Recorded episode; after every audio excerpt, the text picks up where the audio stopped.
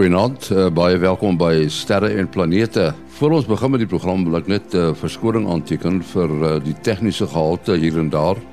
Uh, ons het 'n uh, probleem gehad met ons verbinding. Uh, ek het dit probeer regmaak, maar uh, ek hoop dat jy die program gaan geniet.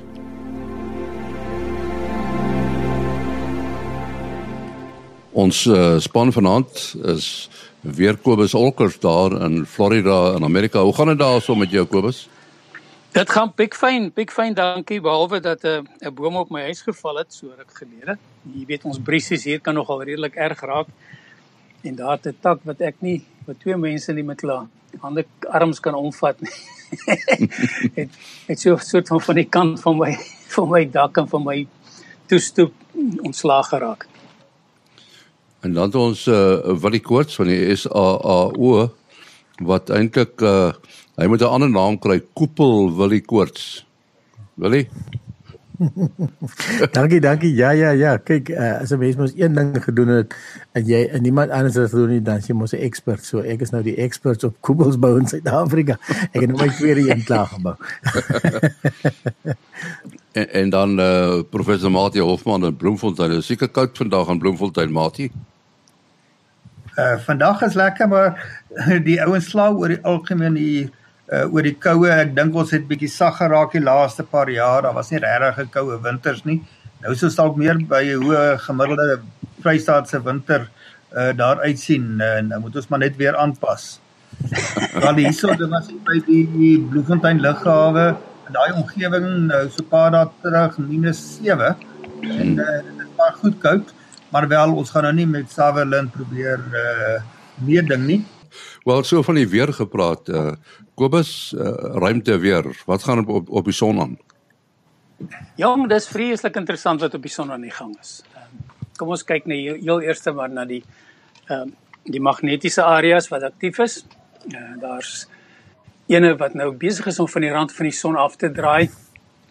Ehm um, hy uh was 'n pragtige mooi diepol en hy het nie vir ons veel gegee nie, maar wat interessant is, is ons het hierdie week 'n hele klomp C-klas ekstra uitbarstings uh, opgetel van die son af. En uh, hulle het gekom van die van die agterkant van die son. Dit is ons vorige aktiewe area wat vir ons soveel pret gegee het so uh 3 weke 4 weke gelede wat nou weer op pad is en uh, daar is 'n kans dat ons in die, in die volgende week of so dat hy weer weer weer uh, vir ons gaan fisiese uitbarsings ook gee van jy dit is nou partikels en nie net ekstrale wat ons kan sien van die agterkant van die son af nie. Ehm um, dan wat wat noem jy hierdie goed koronagate betref het ons uh ene wat so teen Woensdag se koers gaan, hy's in die suidelike halfrond, hy gaan geo-effektief effektief raak. Uh daar's 'n kleintjie wat nou omtrent geo-effektief is wat net die wat niks wat niks eintlik gaan veroorsaak wat enigiemand sal agterkom nie dalk net die langafstand uh, radiogebruikers. En dan het ons 'n filament of twee wat baie onstabiel lyk. Die een sal so teen uh, donderdag geo effektief wees en die ander ene is reeds so. So as enigiemand van hulle nou 'n skok kry van iets anders af dan kan hulle dalk platval of opstyg en vir ons of 'n hydervakkel gee of 'n of 'n koronamassa uitbarsting Al alhoewel eh, alles lyk baie klein en ek glo nie ons gaan veel daarvan sien nie. En dit is dan ons ons uh, vooruitsig vir die vir die week. Wil jy ek wil oor 'n uh, eh, interessante ding praat. Uh, ons het al baie gepraat oor uh, sogenaamde astrofotografie uh, hier in die program. En ons het 'n begrip genoem magnetule wat ook baie nou verband hou met uh, astrofotografie want dit gaan oor die helderheid van 'n voorwerp en uh, hoe jy dit gaan afneem. Ons gaan net 'n bietjie praat oor hoe mense die maan afneem, maar verduidelik net weer vir ons wat is magnetule? Ja, so die maklikste manier om te dink eh, aan aan aan magnetule skaal is dat die mense van die oertyd het het die helderste sterre het hulle gesê dis die belangrikste sterre, so hulle is magnetule 1. En die wat 'n bietjie ja, bietjie flouer is, is magnetule 2 en die wat nou nog flouer is is magnetule 3 en so omtrent tot by 6 is nou van 'n baie lekker donker karoo nag die helderste sterre wat jy met die oog kan sien. Interessant genoeg, dis omtrent so 2000 sterre. Mense dink daar's miljoene sterre en dit voel ook so en dit is ook so maar die as jy nou regtig op 'n kaart gaan gaan um, gaan uitstap dan sal omtrent net so 2000 sterre wat jy op 'n gegeewe aand kan sien dit hang eintlik nou af van die tyd van die jaar en waar sit die melkweg en so aan. Uh ons stel natuurlik nou nie hierdie hierdie melkerigheid van die van die melkweg in in hierdie in hierdie stelsel nie. So die die skaal klink dan nou verkeerd om, maar dit is dan eintlik so half hoe die hoe die geskiedenis gewerk het. So as iets helderder is as die helderste sterre, dan ehm um, dan moet die magnitude 0 raak of selfs negatief. Nou iets soos Venus op sy helderste is magnitude min, minus 4 byvoorbeeld.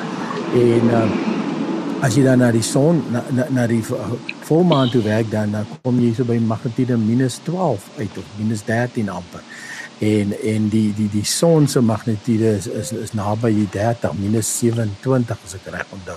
So eh, so die aard van die saak flouer en flouer sterre weer werk weer dan na na positiewe nommers toe soos 'n teleskoop so sal byvoorbeeld wat hierdie ma, uh, uh, massiewe 11 meter spieël het kan byvoorbeeld omtrent tot magnitude 21 kyk en dit is ook 'n logaritmiese skaal is nou moeilik om dit so so uit die face uit te verduidelik, maar omtrent 5 magnitudes verskil is omtrent 100 maal 'n uh, uh, verskil in, in helderheid.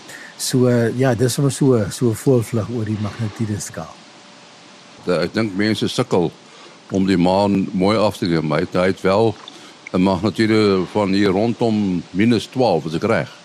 Ja, dis reg, -12, -13 en ehm um, uh die, die maan is gewoonlik die die meeste mense se eerste astrofotografie teiken omdat dit rel, re, relatief helder is en en relatief klink of dit maklik is om af te neem. En uh maar daar daar is nog al 'n klompie probleme met as jy dit met jou selfoon probeer afneem, dan die die maan lyk dan nou so mooi groot daar op die horison en jy probeer hom afneem en dan is jy eintlik vreeslik teleurgestel dat jy nou hierdie klein spikkeltjie en dit is dan die maan. En as jy nou netlik probeer inzoom op jou selfoon, eh, dan dan kry jy nou weer die die, die blokkies die pixelations wat ons sê soos die pixels nou begin begin uitkom. So dit, is nie nie die maklikste ding om af te neem veral op 'n selfoon nie en daar is natuurlik aplikasies wat jy kan eh, kan laai om jou om jou daarmee te help. Um die, die as jy natuurlik nou met 'n kamera, DSLR is natuurlik jou maklikste kamera, dan is daar 'n klompie goed wat jy moet onthou. Ons het gesê die maan is redelik helder en ehm um, jy moet maar eintlik jou ISO moet jy maar moet jy maar afstel 100 of as jou kamera nog minder as dit kan gaan. Uh is dit 'n goeie idee. As jy die as jy nou kan genoeg zoom dat jy amper die rampie vol maak, dan sal jou outomatiese stellings die die maan mooi uh ja dan kan jy byvoorbeeld die hasie of die of die uh man in die maan of wat jy ook al daar in die maan sien kan jy kan, kan jy dan mooi sien maar dit is geneig om te oorbelig as jy dan bietjie speel met jou stellings op jou kamera dan uh moet jy tog kyk of jy nie spot metering kan aansit nie. Nou okay, dis nou baie tegnies en wat ook al maar dis net dalk om iets om te onthou as jy dalk agterkom jou maanfoto's is wat hulle moet wees nie. Kyk of jy spot metering kan aansit dan kan jy ehm um, dis gewoonlik die die middel van die van die veld uh uh kan jy dan 'n uh, 'n liglesing neem net op die maan self wat dan die maan uh mooi mooi sal belig. Uh maar die kontras van die maan is natuurlik baie moeilik teenoor um, te, omdat die maan so helder is uh teenoor die donker agtergrond. So uh, uh dit is eintlik 'n verbasende kort um uh, beligting is gewoonlik hierso 'n uh, 100 150ste van 'n sekonde of selfs vinniger wat jy um wat jy dan die maan mee kan afneem. Ja, die belangrike ding is waarskynlik jy moet 'n driepoot hê. Dit dit sal ook help. Definitief, maar omdat die omdat die beligting so kort is, nogal nie so ernstig om om dit te om dit te doen nie. Ehm um, wat wat jy wel eintlik as jy nou baie skerp foto's wil hê, moet jy definitief gaan op 'n driepoot en uh, dan kan jy ook self jou jou self timer aan aansit. Daai een wat jy nou so vir 10 sekondes almal sulke verstarde geluide uh, uh, gesigte as jy mense afneem, maar daar is ook 'n korter enetjie, gewoonlik so een vir 2 sekondes of so. En en dit help nogal want wat dan gebeur is as die speeltjie opklap, ehm um, dan uh, dan gee dit jou kamera so 2 sekondes kans om net om om net op te hou bewe en uh, en dan kry jy natuurlik die skerpste foto's. Uh so daar's allerhande sulke sulke snaakse goedjies wat jy kan probeer. Uh Willem, ek uh, wonder nou net, ek het nou al opgelet as ek nou net met die blote oog kyk en mens uh se oog van partykeer die maan nog in dagtyd. Nou nie in die helderste deel van die dag nie, maar wanneer die son nou al laag sit of selfs uh so pas ondergegaan het, so daar's nog mooi uh blou uh hemel bo ons dat 'n mens dan met groter gemaak met die blote oog na die maan kyk want jy het net helder kontras met die donker agtergrond hier op die glare uh, soos wat ons in Engels sê. Sou sou dit nie dan ook makliker afneem nie want jou uh met jou selfone werk dan mos nou op die gemiddelde beligting van die hele veld en ook as natuurlik as mens nou 'n zoom lens sou gebruik sodat die maan die grootste deel van die veld beslaan dan behoort die outomatiese liglesing seker ook vir jou 'n beter beligting op die maan self te gee. Dit dit is beslis so ja, so ek sê altyd vir mense op die aand van volmaan. Nou kyk volmaan eh, is mos wanneer die aarde presies tussen die son en die maan sit, want dan sien ons die volle beligte helfte van die maan. En uh okay, dit hang af presies watter tyd van die dag of van die vorige dag of die vol in die nag is dit amptelik volmaan, dit wil sê wanneer die spore reg oor mekaar sit. Ehm um, is dit gewoonlik nie so maklik om om volmaan nie af te neem nie omdat jy hierdie hoë hoë kontras uh, probleem het. En ek sê altyd vir mense as jy die dag voor voor volmaan ehm um, wanneer die maan verskil omtrent 50 minute uh, van dag tot dag.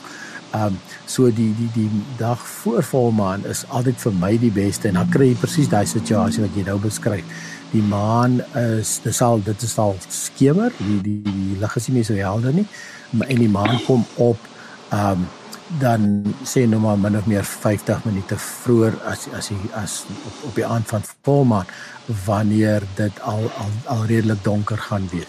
So ja, dit is dit, dit is definitief 'n goeie idee. En die maan lyk dan amper nog vol. As jy mooi kyk sou jy sien daar so 'n effense randjie wat nog nie belig het nie, maar maar dit is ook vir my die beste aande om om 'n foto van die volmaan te neem, die aand voor volmaan self. Ja, dit is nou as 'n mens 'n foto wil neem van die volmaan, maar ek het al probeer en dit lyk vir my die beter tyd om dit af te neem is wanneer die sogenaamde terminator, die terminator, die skeiding tussen swart of donker en lig op die maan uh, duidelik wys want dan dan sien jy ook baie meer definisie. Dit dis korrek en dit is veral as jy hom byvoorbeeld deur 'n teleskoop afneem of so, dan dan sien jy daarom baie mooi detail daar waar die skade weer besig is om op te kom of of dan onder te gaan. En natuurlik 'n ander mooi geleentheid is net na 'n nuwe maan. En ek as ek reg het, dan is dit nou nogal omtrent hierdie hierdie tyd van die wat die program nou uitgaan want ek dink ons is ek is presies seker maar ons is baie naby naby uh net na 'n nuwe maan. So dan het jy nou hierdie hierdie skreefie maan of die of die tonaalde maan soos party mense hom noem. Klink vir my 'n bietjie 'n bietjie uh uh snaaks om die maan so te noem, maar dit is uh hierdie hierdie fyn maantjie en uh dan is dit nog um die lig is is is al die kontras is al lekker hoog en dan veral as jy nou Venus of so by die maan het, maar ons is nou ongelukkig op daai situasie is dit is dit ook nog al 'n goeie tyd om 'n interessante foto van die maan te neem. Dit is altyd beter as jy iets in die voorgrond kan sit, net om 'n bietjie skaal te gee en en as jy net die maan alleen deur in die middel van die lig afneem, is dit gewoonlik nie vreeslik interessant nie. Uh, uh, net so interessantheidshalwe, toe ek en jy 'n uh, ander dag uh, saam daar by Clyde Foster was. Uh toe hy daar uh, in sy uh, in hulle woonkamer 'n pragtige geblokte foto van die maan, uh juis wat die kraters nou so duidelik uh wys as gevolg van die skade wees en so mooi geblok daar. Uh en wat toe my oog daarso vang is dat uh enkele van die strukture val die skade weer net in oorgestelde rigting. En dit is natuurlik waar jy nou die heuwels het. En dit is baie keer nie so maklik om te sien of jy nou na 'n krater kyk en of jy nou na 'n heuwel kyk. Mens kan mos nou dadelik dink as die son skuins inkom gaan die in die geval van die uh van die krater gaan die skade weer aan die kant wees waar die son vandaan kom en as jy heuwel het gaan die skade weer teen oorgestelde kant uh kan wees. So dis nogal iets wat mense kan oplet op jou fotos as jy dan nou so 'n foto kon kry of natuurlik as jy deur 'n teleskoop kyk. En dan net 'n laaste 'n uh, belangrike opmerking, weet ons het almal groot geword met die idee van die pragtige groot volmaan uh, wat ons natuurlik weet dit is 'n illusie. Hy lyk eintlik maar net so groot as wat daar bo in die lug is. Jy kan dit met jou vinger meet, jou wysvinger op 'n reguit armlengte en jy kan en as jy met een oog kyk, kan jy die volmaan met 'n halwe wysvinger op armlengte toehou. En dieselfde geld as hy daar bo is. So dis hoekom uh, al gee jy vir jou groot gevoel op die foto so klein uitkom. En, en dit is nou maar uh nou ongelukkige feit van die van die maan. Kobus uh, die weer op die son is maar altyd interessant. Uh, nou is daar 'n uh, storie dat die ouens 'n uh, fakkel waargeneem het wat wat die wetenskaplikes baie opgewonde maak. Is daar rede om opgewonde te wees? nee eintlik nie. Uh dis dis 'n interessante ding. Dit was 'n uh, 'n fakkel wat in 2016 gebeur het en hy het toevallig ehm um, jy weet ons mense wil mos altyd vreemde goed bymekaar hê en toevallighede sien en die en die uitbarsting het toe heel toevallig al drie tipes uh uitbarsting wat 'n mens kan kry van die son in uh so 'n paar ure na mekaar ge, uh gewys.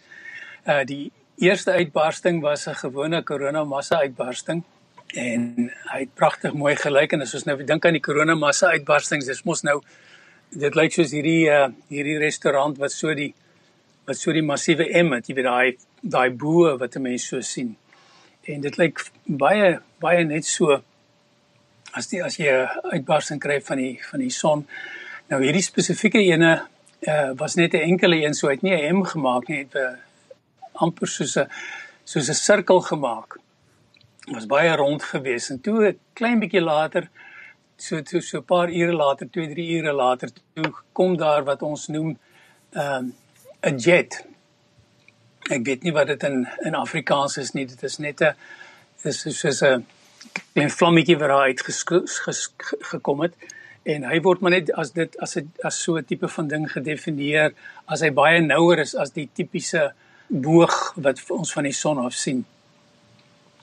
En uh toe so 'n klein bietjie later toe kom daar nou nog nog 'n dingetjie uit en dit was net 'n 'n fakkel wat probeer vorm en toe val hy weer terug. So dit was 3 3 items wat nou bymekaar gebeur het en ehm uh, daar's nou 'n groepie wat in in uh by universiteite wat nou daarna kyk en probeer sin maak daaruit. Uh maar dit is maar meer interessant as wat dit as wat dit 'n uh, vreeslike wonderlike wetenskap is. Jy jy het ook 'n brief van Lukas van Vuren gehad. Ja, die goeie man het vir ons die interessantste vraag gevra. Lukas, baie dankie. Ek gaan hulle sommer so een vir een behandel. Hy vra die eerste en dit en dit is die soort van vraag wat ek by baie luisteraars hoor, maar wat mense nooit die moeite doen om te skryf nie. Hy sê is die son se meeste aktiwiteit meestal op die noordelike helfte van die son. Ehm um, nee, Nee, die, die sonaktiwiteit is oral, om die waarheid te sê hy beweeg. Soos wat ons reeds gesê het, het die son hierdie 11 jaar uh, eintlik 'n 22 jaar siklus, maar ons ons neem dit waar uh, as as as 'n 11 jaar helfte van die van die van die beweging. En dit is waar die die die pole van die son omdraai uh met uh, met 'n 22 jaar siklus. En wat dan gebeur is hierdie aktiewe areas op die son beweeg so van die pole af tot tot by die ewenaar in 11 jaar. Uh as hy as hy as, as al die aktiewe areas bo naby die die pole van die son is, dis die noord en suidpool, dan is ons gewoonlik by die laagtepunt van die van die son siklus van die 11 jaar siklus en as hy by die pole bymekaar kom, dan is dit nou al die onstabiliteit en magnetiese uh pole en allerlei aktiwiteite wat dan bymekaar is naby aan die ewenaar van die son en dit is dan gewoonlik wanneer ons son maksimum het. Uh, so definitief beide kante van die son uh bo en onder noord en suid uh kry ons. En hy vra nou ook as daar 'n fakkel direk op die ewenaar van die son sou ontstaan en in die rigting van die aarde wys nou ja jy weet uh ons het ek het altyd 'n manier gehad om dit vir mense te verduidelik. As jy nou kyk na 'n pistool se vlam jy kyk nou van die kant van die van jou pistool af en dan sien jy daai vlam skiet so uit en jy sien pragtig mooi die hele vlam. Maar niks van daai vlam of die koel. Dit kom naby aan jou nie. Hy's fort ander kant toe.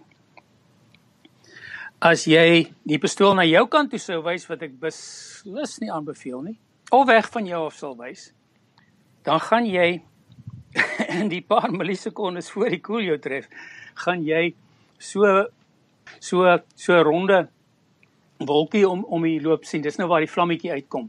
Nou kry jy hierdie strale krans wat so na jou toe kom en jy hou uh en dan natuurlik uh dan weet jy uh soos ek sê in daai paar mikrosekondes of millisekondes voor die koel jou tref, weet jy hy's op pad na jou toe. Maar dit werk ook as die son weg van jou afwys. As as as daai ding weg van jou afwys, as die koel weg van jou afwys, jy sien nog steeds die krale, strale krans en jy het nie die risiko van die koel nie. Nou as ons dan nou 'n uh, uitbarsting reg op die ewenaar van die son het en wat nou interessant is, dit is nou as ons nou kan na die na die son kyk eh, in, in breedte en lengtegrade as hy nou by 0 en 0 is met ander woorde reg in die middel van die son daar waar die die middelste kringetjie op 'n op 'n veerpyltjie bord sou wees. Ehm um, dan gaan hy en hy kom van daar af los, dan gaan hy eintlik links by ons verbygaan. Maar ons moet onthou die son is besig om te roteer van links na regs voor ons verby. En dit is as die as die son so omtrent 7-8 grade uh reeds op pad is na die na die na die regterkant toe. En hy los dan vir ons 'n uh, 'n fakkel. Dan kom daardie ding reguit op ons uit en ons sien dit dan ook uh as as 'n stralekrans uitbarsting. Halo uh, ejection. Ehm um, en dan weet ons die ding is reguit na ons toe op pad en ons gaan die maksimum effek van die van die partikels skryf wat na ons toe kom en die mense moet besef dat hierdie sonwind is ehm um, dit klink miskien nou vreeslik oulik en son maar dit is dis 'n vreeslike ding. Ehm uh, dit is radioaktiwiteit. Dit is niks anders as radioaktiwiteit nie. Dis partikels, geïoniseerde gelaaide partikels wat met vreeslike snelhede op ons afkom. En dis asof jy in die middel van 'n reaktor sit met met al die goed wat op jou afkom. Die buitenste ruimte is nie 'n plek uh ek kan nie sê 'n plek vir sissies nie. Dis nie 'n plek vir enige iemand as tensy jy nie 'n hengse klomp afskerming rondom jou het nie. En ek het baie respek vir die ouens wat in die buitenste ruimte wil ingaan. Uh hier by die aarde is ons natuurlik nou beskerm deur die hierdie uh magnetosfeer van die aarde. Dit is nog maar net 'n wonderlike deel van die skepping. Anders sou ons as Mars gelyk het. Hy het nie 'n magnetosfeer nie en al sy al sy uh atmosfeer en alles is weggewaai. Goed. Die volgende vraag is is die swaartekrag van die son al bepaal? Ja, nee, dit is 'n uh, 'n baie eenvoudige ding want ons weet uh, wat sy ra radius is en ons weet wat sy wat sy massa is. En uh dan waar dit nou op die aarde se oppervlak ons 'n versnelling het van 9.8 grofweg uh meter per sekonde kwadraat is dit by die son 274. Uh met ander woorde 27 keer swaarder. Jy sal 27 keer swaarder wees as jy op die oppervlakte van die ons. Dis natuurlik nou net voor jy verdamp. So dit is aan die swaartekrag en dan vra hy 'n baie interessante vraag. Hy sê hy het 'n pas aangeheer en gaan die son se uitbarstings om affekteer. Dis dis dis eintlik 'n baie interessante vraag want die son se uitbarsting self, as jy nou in die ruimte is, verseker dan soos ek sê, dis radioaktiwiteit. Dit sal nie net jou pas aangee nie, dit sal sommer enigiets van jou affekteer. Maar as jy hier op aarde is, weet ons die liewe Vader het vir ons 'n 'n beskerming rondom die aarde gegee, hierdie hierdie uh, magnetosfeer en het ook vir ons die ionosfeer rondom die aarde.